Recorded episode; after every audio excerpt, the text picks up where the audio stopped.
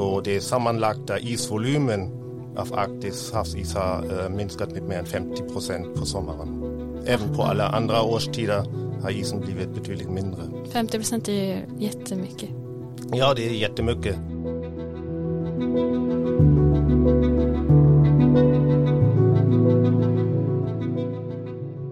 Att vi ska lyssna på klimatforskarna, det får vi ofta höra i samhällsdebatten.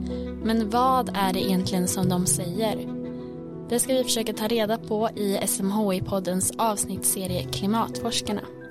För att på SMHI så finns en av Sveriges största forskningsgrupper inom klimatvetenskap. Och några av de forskarna ska gästa oss i den här podden och berätta om hur världen förändras och vad vi kan göra åt det.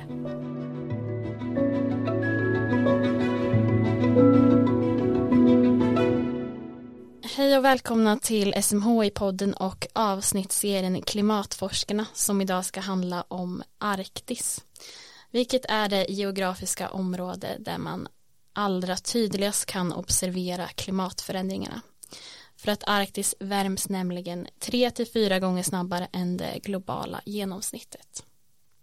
Och jag som programledare den här podden heter Olivia Larsson och är klimatvetare och jobbar som kommunikatör här på SMHI.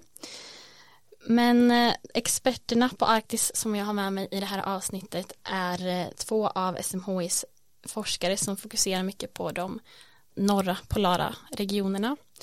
Och det är Torben König som är filosofidoktor inom oceanografi och som är ansvarig för den globala klimatmodelleringen på Rossby Center som är SMHIs klimatforskningsavdelning. Och Torben har jobbat mycket med havsisen i Arktis och dess betydelse för klimatet. Så därför är det kul att du är här idag. Välkommen hit Torben. Tack så mycket. Och vi har också med oss David Gustafsson som är teknologidoktor inom mark och vattenresurser och som forskar på hydrologiska processer i kalla regioner. Och hydrologi är läran om vatten och i kalla regioner så innebär det också mycket fokus på snö, frusen mark, permafrost och glaciärer. Välkommen hit David. Tack så mycket. Och Arktis är alltså området vid den norra polen, så man ska inte förväxla den med Antarktis som ligger vid den sydliga polen och som är en istäckt kontinent. Arktis är ju ingen egen kontinent, man brukar definiera på lite olika sätt men det vanliga är att det är landområdet norr om norra polcirkeln, alltså det området där vi har midnattssol eller vinterdagar utan sol innebär ju då norra delar av Norden så Sverige är en del av Arktis, norra Sverige, också norra Finland, Norge, delar av Ryssland, Nordamerika och så Grönland som mest är istäckt område. Men det mesta av Arktis blir därför ocean som ofta är istäckt och som kallas för det norra ishavet. Och mycket av att det blir sådana dramatiska förändringar i Arktis är ju för att vi har positiva återkopplingsmekanismer och det innebär att den globala uppvärmningen förstärker sig själv genom olika processer som kan vara biologiska, kemiska eller fysiska. Och den eh, allra starkaste i Arktis är, har att göra med havsisen. Så det får du berätta om Torben. Vad är det som gör att smältningen av havsisen blir en sån stark positiv återkopplingsmekanism? Ja, om vi har en istäckt Arktis då reflekteras en stor del av solstrålning som kommer ner till isen tillbaka till atmosfären. Så beroende om vi har ny is eller gammalt is eller om det finns snö eller ingen snö på isen eh, då reflekteras omkring 50 till 85 procent av den inkommande solstrålning tillbaka till atmosfären. Men nu om vi har en viss uppvärmning på grund av um, högre växthushals, växthusgashalter i atmosfären, då börjar isen smälta och vi får öppen vatten istället för isen.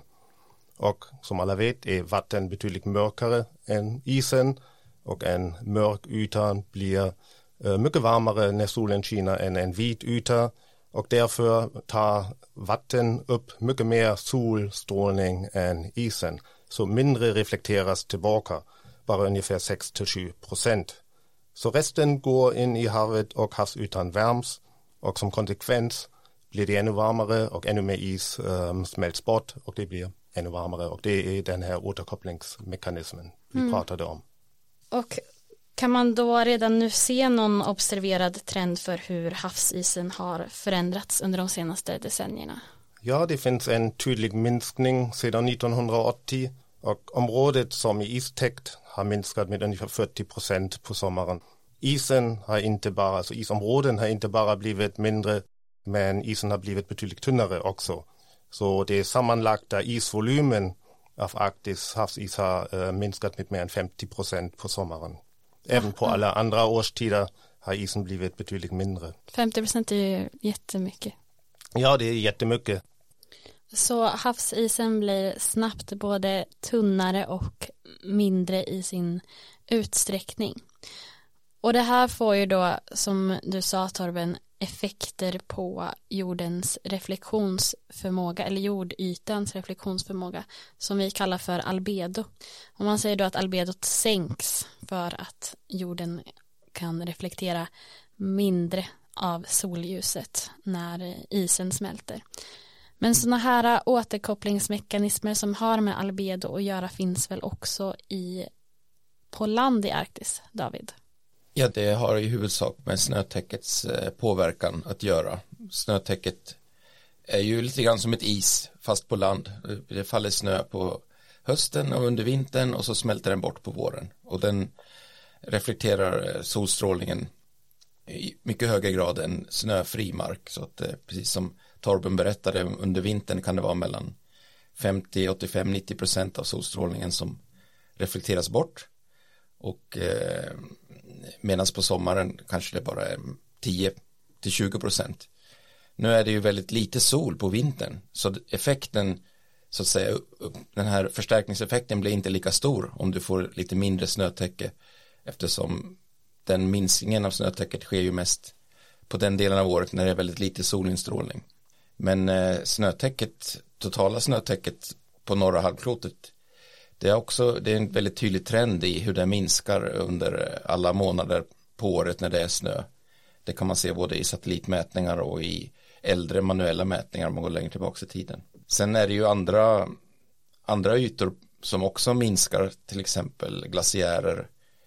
Eh, men, men där är så att säga yt, ytorna är nog betydligt mindre eh, jämfört med förändringen i snötäcke eller förändringen i havsis. Eh, däremot inlandsisen på Grönland till exempel är väldigt viktig för, för eh, framtida havsnivåhöjning när, om, om inlandsisen smälter. Mm.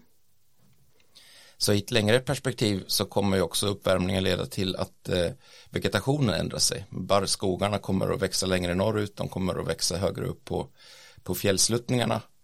Och det kommer också ge en sorts positiv albedoeffekt eftersom de här träden täcker snön på marken ganska effektivt så att så länge det inte är snö på träden så kommer det också leda till en sån här positiv albedoeffekt och en, eh, förstär en eh, Ja, en förstärkning av uppvärmningen. Ja. Just det, för att träden flyttar sig uppåt. Har ni exempel på några fler sådana här återkopplingsmekanismer i Arktis som är viktiga att ta med? En är eh, till exempel att mer varmvattnet börjar strömma in i Arktis.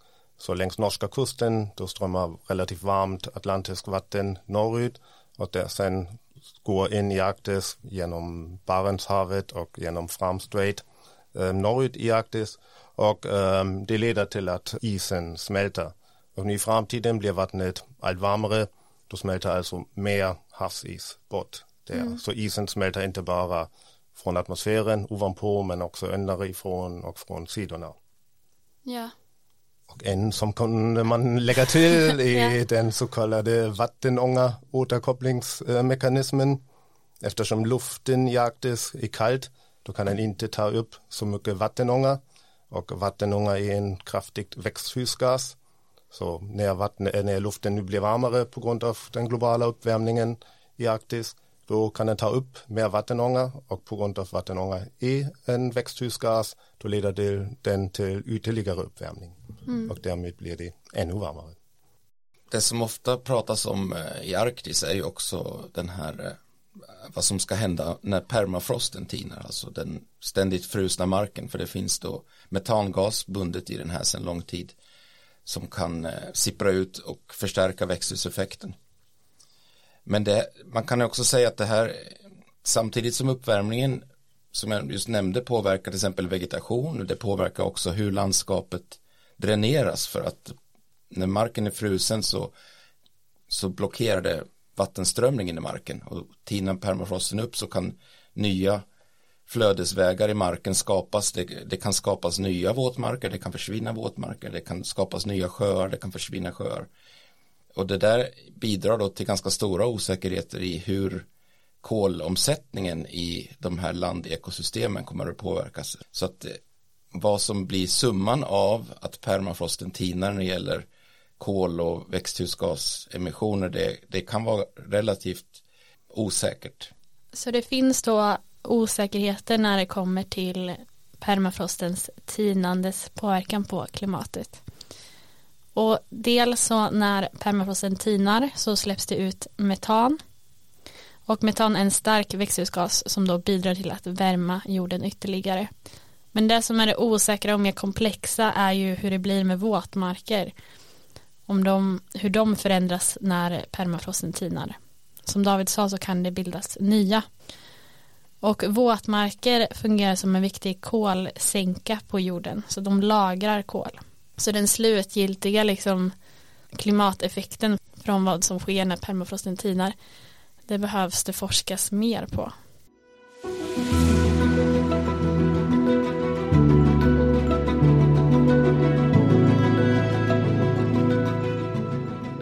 Och de här snabba förändringarna då i Arktis som de här positiva återkopplingsmekanismerna eh, bidrar till de leder ju till att det blir en stor påverkan på de arktiska ekosystemen till exempel.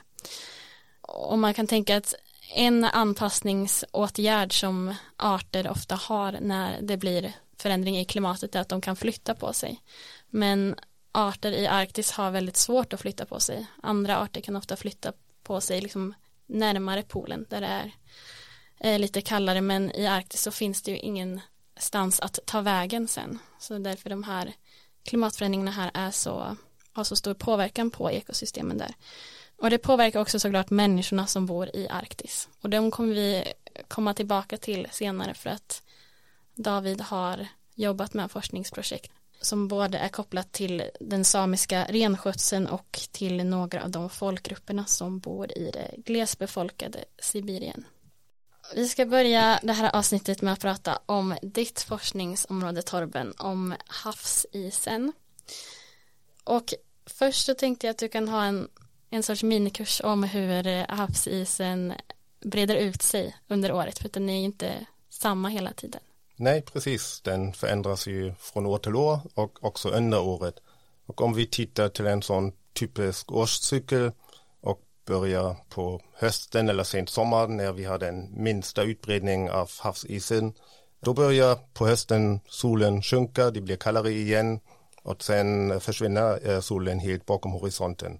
Så då börjar det bli kallt i Arktis och det öppna vattnet börjar att frysa till igen. Och där det fanns is kvar på sommaren, över sommaren, då blir isen allt tjockare igen. I mars nås vanligtvis den maximala isutbredningen och sen börjar det bli i den södra delen av Arktis börjar det bli varmare igen. Så att isen börjar smälta där. Samtidigt är det fortfarande kallt och vinter i den centrala arktiska delen. Och då fortsätter isen att bli tjockare. Så därför får man den tjockaste isen lite senare om året, kanske i maj, medan isutbredningen redan blir mindre så börjar att smälta från kanterna. Sen kommer solen mer och mer fram och då blir isalbedoeffekten som vi har pratat om eh, viktigare. Och eh, isen börjar alltså smälta överallt, eh, sen i hela Arktis under hela sommaren tills vi får komma till den minsta utbredningen på september. Så då är den som minst, den arktiska sommarisen? Precis, och hur mycket som smälter under sommaren det hänger mycket ihop med om det var en varmt eller en kall sommar så hur temperaturen var och också hur tjock isen blev på vintern. Börjar vi med mycket tjock is på sommaren, alltså i början av sommaren, då kan det vara en varm sommar men ändå försvinner inte all is. Men sen är det också vindarna som spelar en stor roll.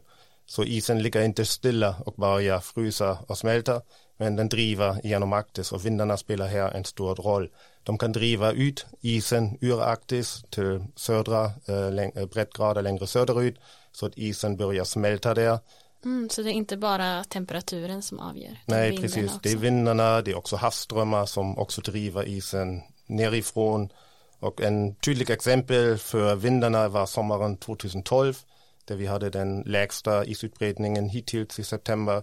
Då hade vi en jättestorm i augusti som slog sönder mycket av isen som fanns i Arktis, av den tjockare isen och fördelade det lite längre söderut så att den började smälta där och därför um, var det till slut i september så väldigt lite is kvar eh, 2012. Men alla vet ju det att i framtiden så kanske vi inte har någon sommaris kvar.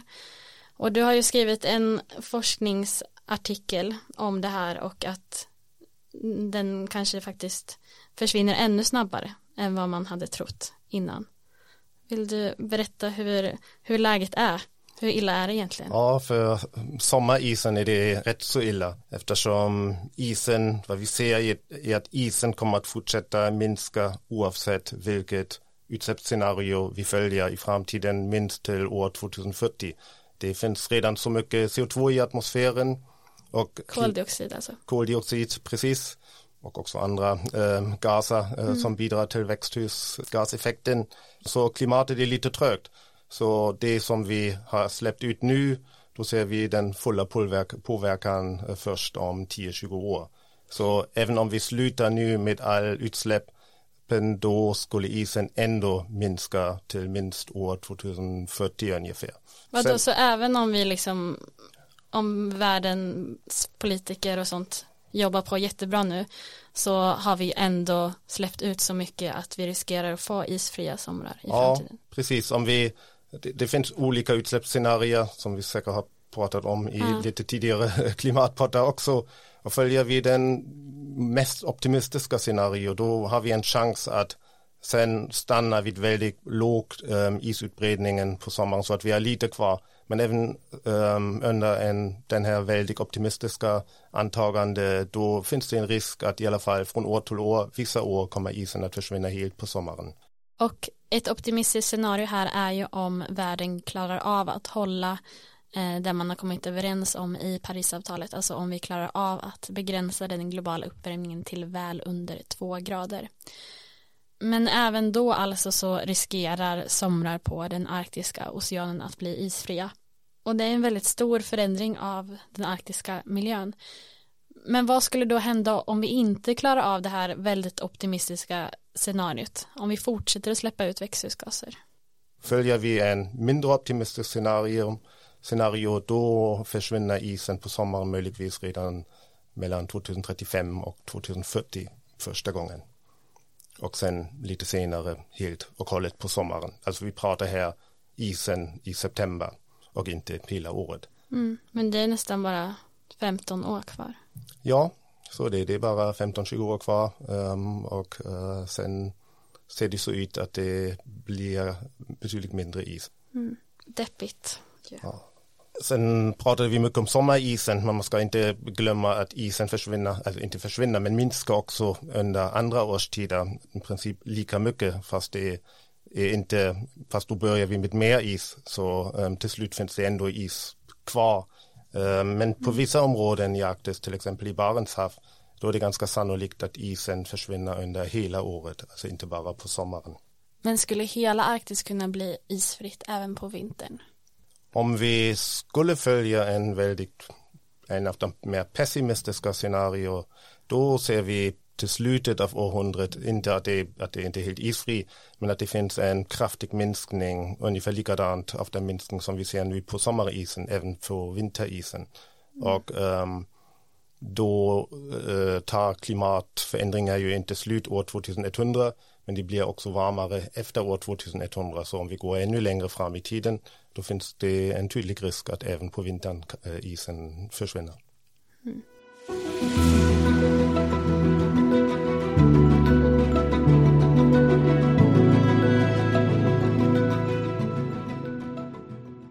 Och nu skulle jag vilja knyta ihop era två forskningsområden lite för att till ishavet så rinner det ju ut älvar och floder och de kollar ju du på David och deras flöde förändras ju på grund av klimatförändringarna.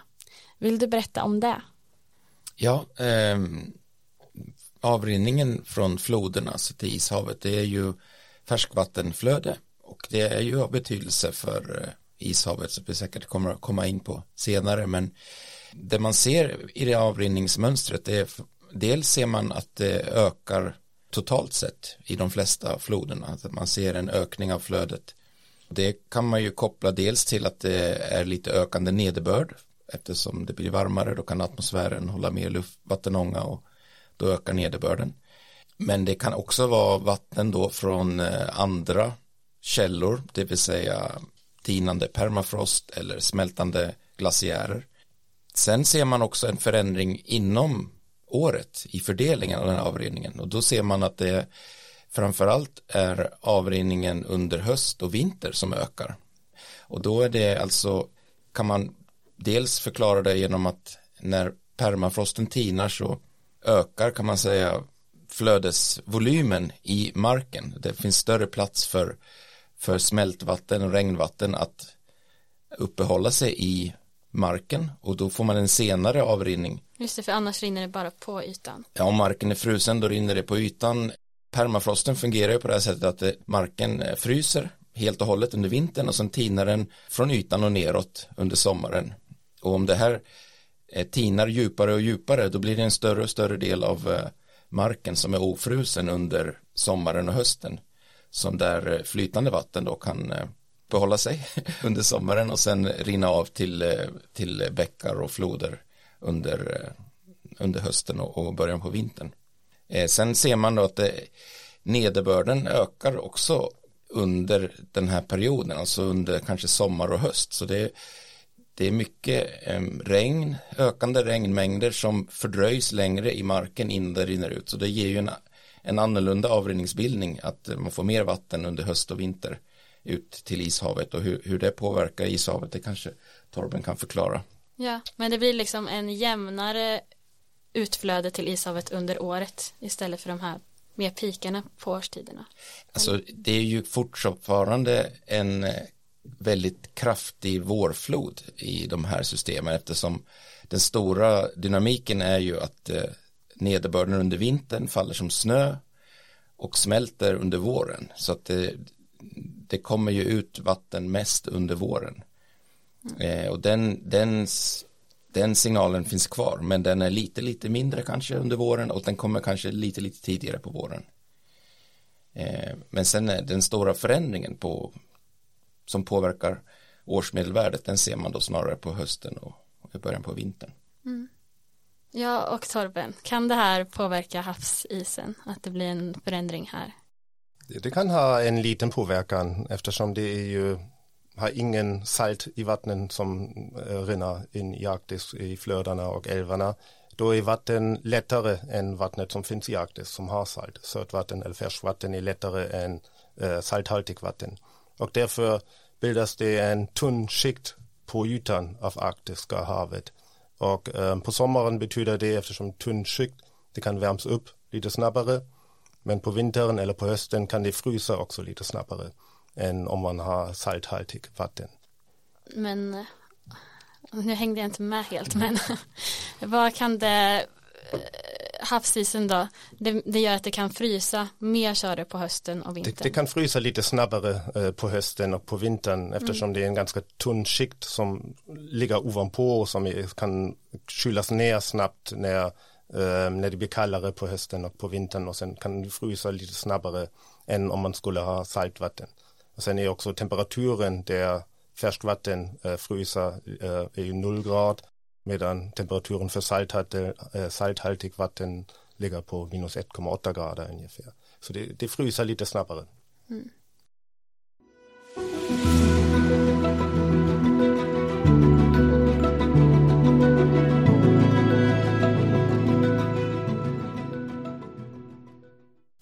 klimatforskning så brukar man ju prata om tippningspunkter. Man kan beskriva det som att det blir oåterkalleliga brytpunkter i klimatsystemet. Och det låter ganska dramatiskt. Och det är ju också, det innebär liksom att det blir en förändring som blir så stor att inte förändringen kan gå tillbaka av sig själv. Och nu har vi pratat om, om Arktis. Eh, är den arktiska havsisen en sån? Alltså, om den försvinner kommer den inte igen då? Eller? Ja.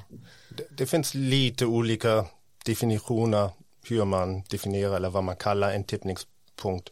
Oftast säger man ju att det är en kritisk brytpunkt, det är en mindre störning av ett system, till exempel en liten ytterligare uppvärmning, driver eller sätter igång en process som driver systemet iväg bort från ett stabilt tillstånd som man hade tidigare till en ny stabil tillstånd eller relativt stabil tillstånd.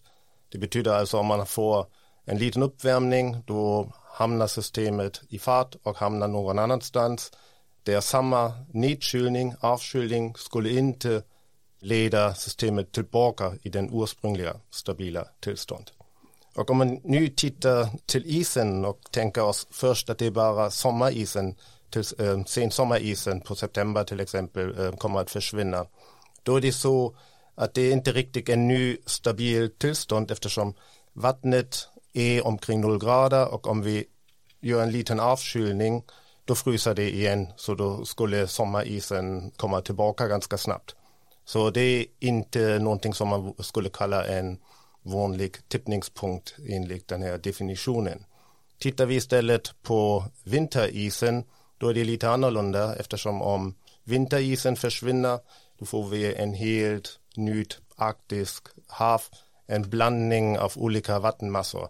Just nu har vi oftast vid ytan en kall vattenmassa som är ganska tunn och längre neråt har vi det atlantiska vatten, vattnet som strömmar in i, i havet in i Arktis och som är betydligt varmare. Försvinner isen, då blandas de vattenmassorna eftersom vinden kan, kan blanda dem och då blir ytorna betydligt varmare och då räcker det inte att vi bara avkyler lite grann igen för att få vinterisen tillbaka. Då måste vi ha en ganska stor avkylning för att um, få isen tillbaka på vintertid. Och då kan man prata om en tippningspunkt. Okej, så det har att göra med det här då att, att eh, havet blandas så mycket om havsisen skulle försvinna helt. Precis, det är den skillnaden mellan sommarisen försvinna och vinterisen försvinna. Försvinner mm. vinterisen då hamnar hela arktiska klimatsystem i ett helt nytt eh, tillstånd och den kommer också vara ganska stabilt. Så då måste man använda mycket mer energi att bringa den tillbaka till det gamla tillstånd än på sommaren. Mm.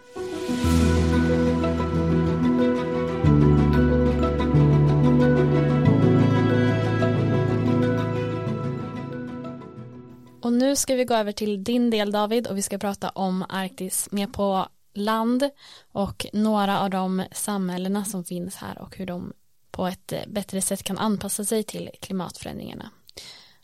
Arktis är kanske inte känt för att vara det mest tätbefolkade området i världen men det bor ju folk här och det bor urfolk här och det bor grupper av människor vars kultur och levnadssätt är starkt påverkat av både den arktiska miljön och klimatet.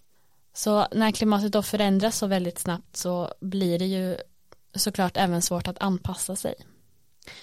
Och vi ska börja med att prata om ett projekt som du har jobbat med i Sibirien och eh, det är nu avbrutet på grund av Rysslands invasion i Ukraina. Men där jobbade ni med hur samhället skulle kunna anpassa sig för att bättre kunna hantera klimatförändringarna. Bland annat så gjorde ni en prognosmodell men först tänker jag att du kan berätta om den här platsen. Det här berör eh, en del av eh, eh, Sibirien som heter Jakutien eller eh, republiken Sacha som det heter på deras eget språk. Och det är alltså en del av eh, Ryska federationen eh, som ligger i östra delen av Sibirien det är ett område som är, eh, ja det är, det är många gånger större än Sverige, det är väl nästan lika stort som Frankrike och Tyskland tillsammans eller något sånt här och det bor en miljon människor där ungefär, knappt en miljon människor. Så det kännetecknas av eh, i princip väglöst land och, eh, och de flesta människor bor längs floderna kan man säga.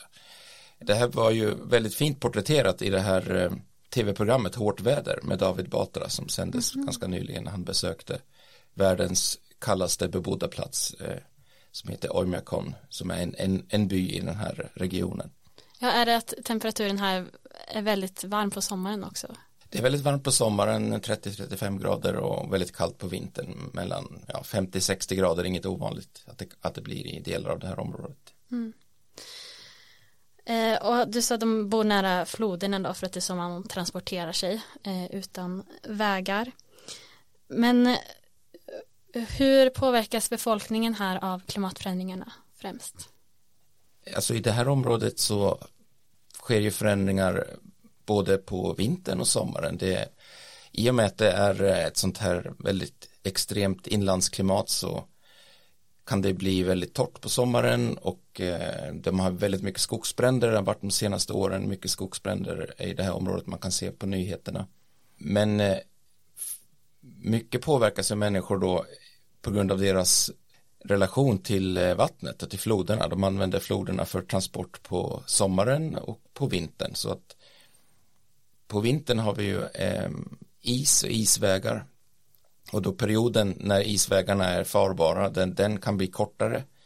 Den här övergångsperioden mellan sommar och vinter, alltså när man inte kan fara på isarna, den kan ju då också ändra sig. Den, den kanske inte ändrar sig så mycket i längd, men i och med att eh, istillväxten börjar senare och kanske är svagare så kan det ju vara en lite längre period när isen inte är farbar med de största fordonen.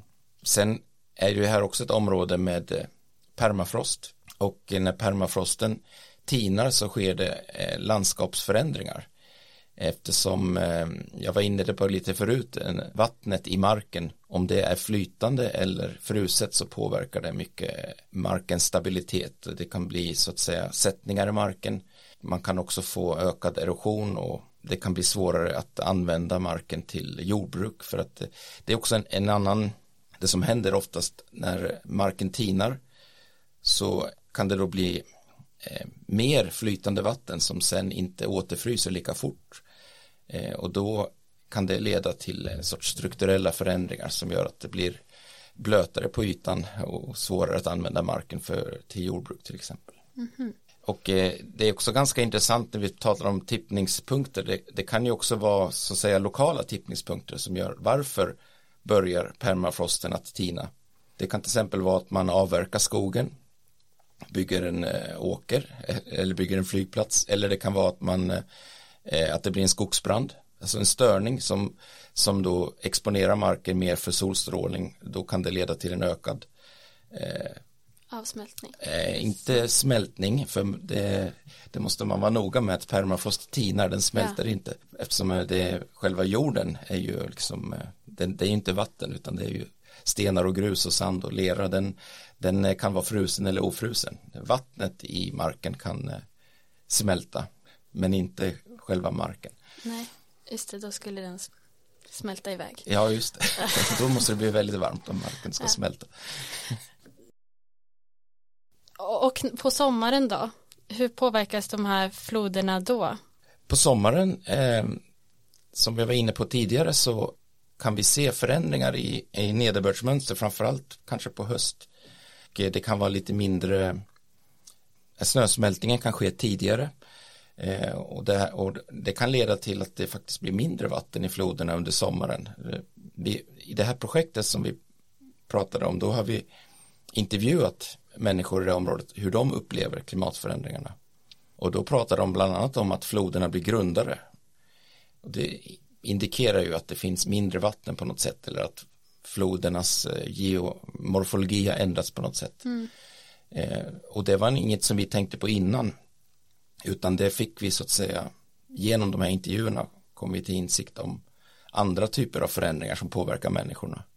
Vilket visar också hur viktigt det är att eh, man måste samtala med de som faktiskt lever och, och, eh, i de här områdena för de upplever ju förändringar på ett annat sätt kanske än vad vi gör när vi tittar med satelliter eller klimatmodeller. Ja, det är klart. Och det som ni gjorde då, för att ni, ni skulle göra en prognosmodell. Syftet med det här projektet var att eh, bidra till eh, samhällets förmåga att anpassa sig till klimatförändringar på flera olika sätt. Dels genom att eh, öka kunskapen om de här förändringarna i landskapet, förändringarna i avrinningen och kunna förmedla dem till befolkningen. Alltså, och det andra var att skapa verktyg för att kunna förutse när isen är tillräckligt farbar eller när det ska bli översvämningar så att man kan man behöver kunskap för att planera för långsiktiga förändringar men man behöver också verktyg för att kunna förutsäga eh, extrema händelser i, som kan bli mer vanliga i ett förändrat klimat. Så vi behöver både klimatmodeller men också kan man säga prognosmodeller både för översvämningar och för extrema väderhändelser.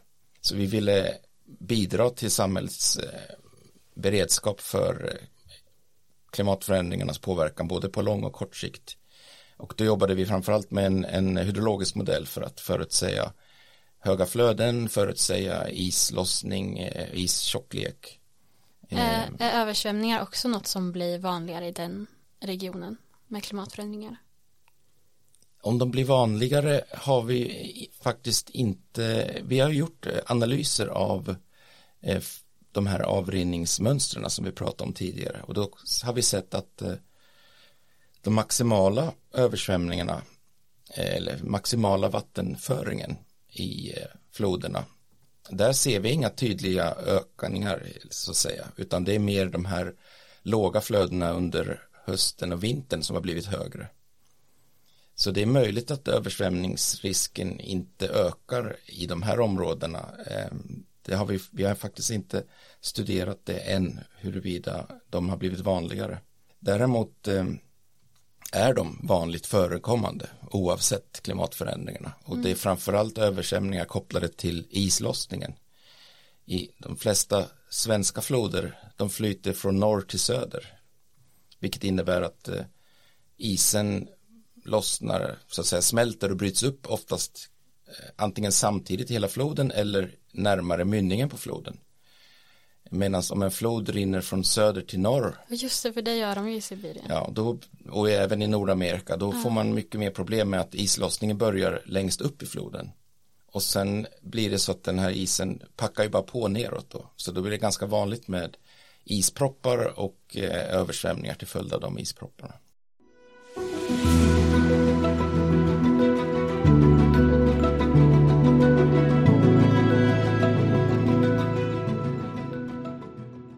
jag tänkte att vi skulle gå över nu till att prata om det svenska urfolket, om samerna. För deras kultur är också starkt hotat av klimatförändringarna.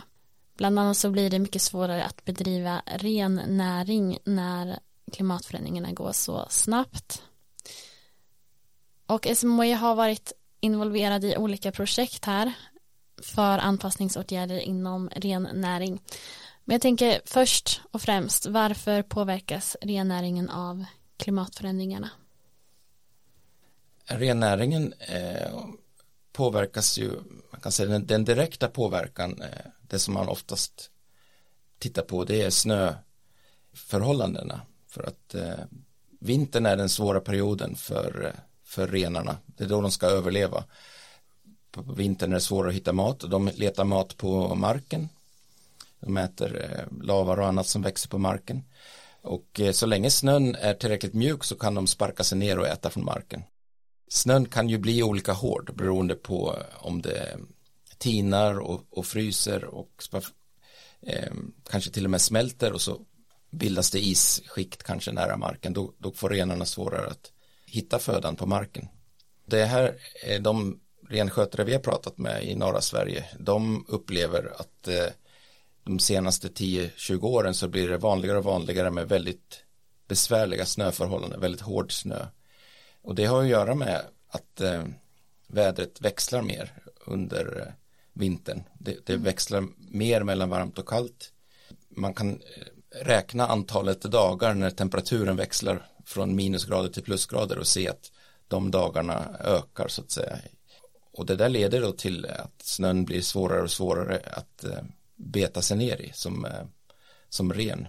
Och eh, precis som samerna så uttrycker också urfolken i Sibirien ungefär samma sak att så länge vi har mark som vi kan anpassa oss på då är det inget problem, vi kan flytta renarna till en annan plats där snöförhållandena är bättre eller eh, det är även urfolk i Sibirien jag uttryckte ungefär samma sak att vi kan flytta vår by till en plats som inte översvämmas men då kan det stå vindkraftverk där eller det kan stå oljeriggar eller annan infrastruktur som också behövs för eh, så att säga omställningen till ett mer eh, klimatvänligt samhälle.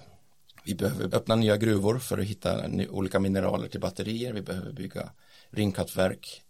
Men om det konkurrerar då med de marker som urfolken behöver för att göra sin anpassning till klimatförändringarna då blir det såklart svårt för dem. Eh, de känner sig pressade från, från alla håll. Och det här projektet som ni har gjort det, det har handlat lite om att man ska hitta platser som de ska kunna ha rennäring på istället. Ja, det var faktiskt två projekt. Det ena var ett projekt som jag var med i där vi försökte utveckla prognosmodeller för att förutsäga hur eh, snöegenskaperna ändrar sig under säsongen mer för den dagliga planeringen av renskötseln. Nu har vi besvärliga snöförhållanden här.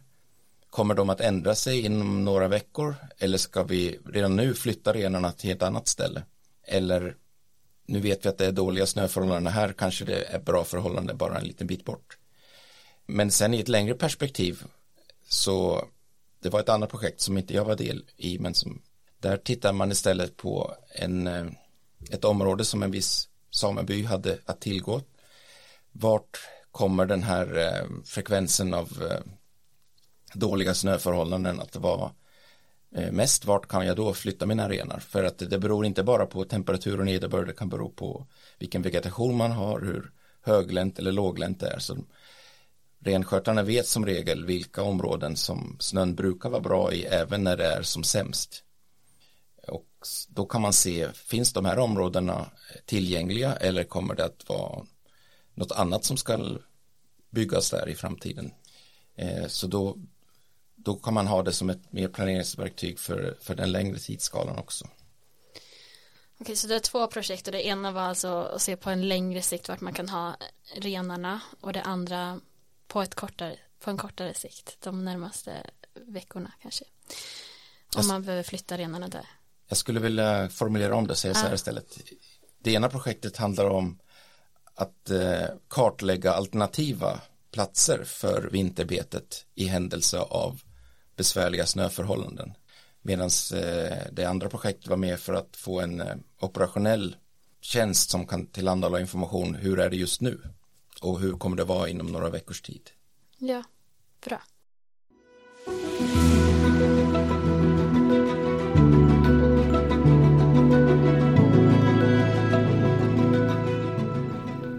Och nu ska vi göra en snabb sammanfattning av, av det här avsnittet om Arktis. Och det viktigaste är ju att uppvärmningen av Arktis går jättesnabbt. Arktis värms snabbare än någon annan del på jorden. Och man kan allra tydligast observera det här genom att kolla på havsisen som smälter. Och redan inom 15 till 20 år så riskerar vi att ha somrar som helt är isfria. Och uppvärmningen syns även på land. Glaciärer smälter, permafrost tinar och älvar får ett annat avrinningsmönster. Och det här påverkar ju både människor som bor i de här regionerna och djur och, eh, och djur och natur. Så det blir en, en snabb förändring av hela den arktiska miljön. Eh, så tack så mycket för att ni ville vara med i det här avsnittet och berätta om Arktis, Torben König och David Gustafsson. Tack.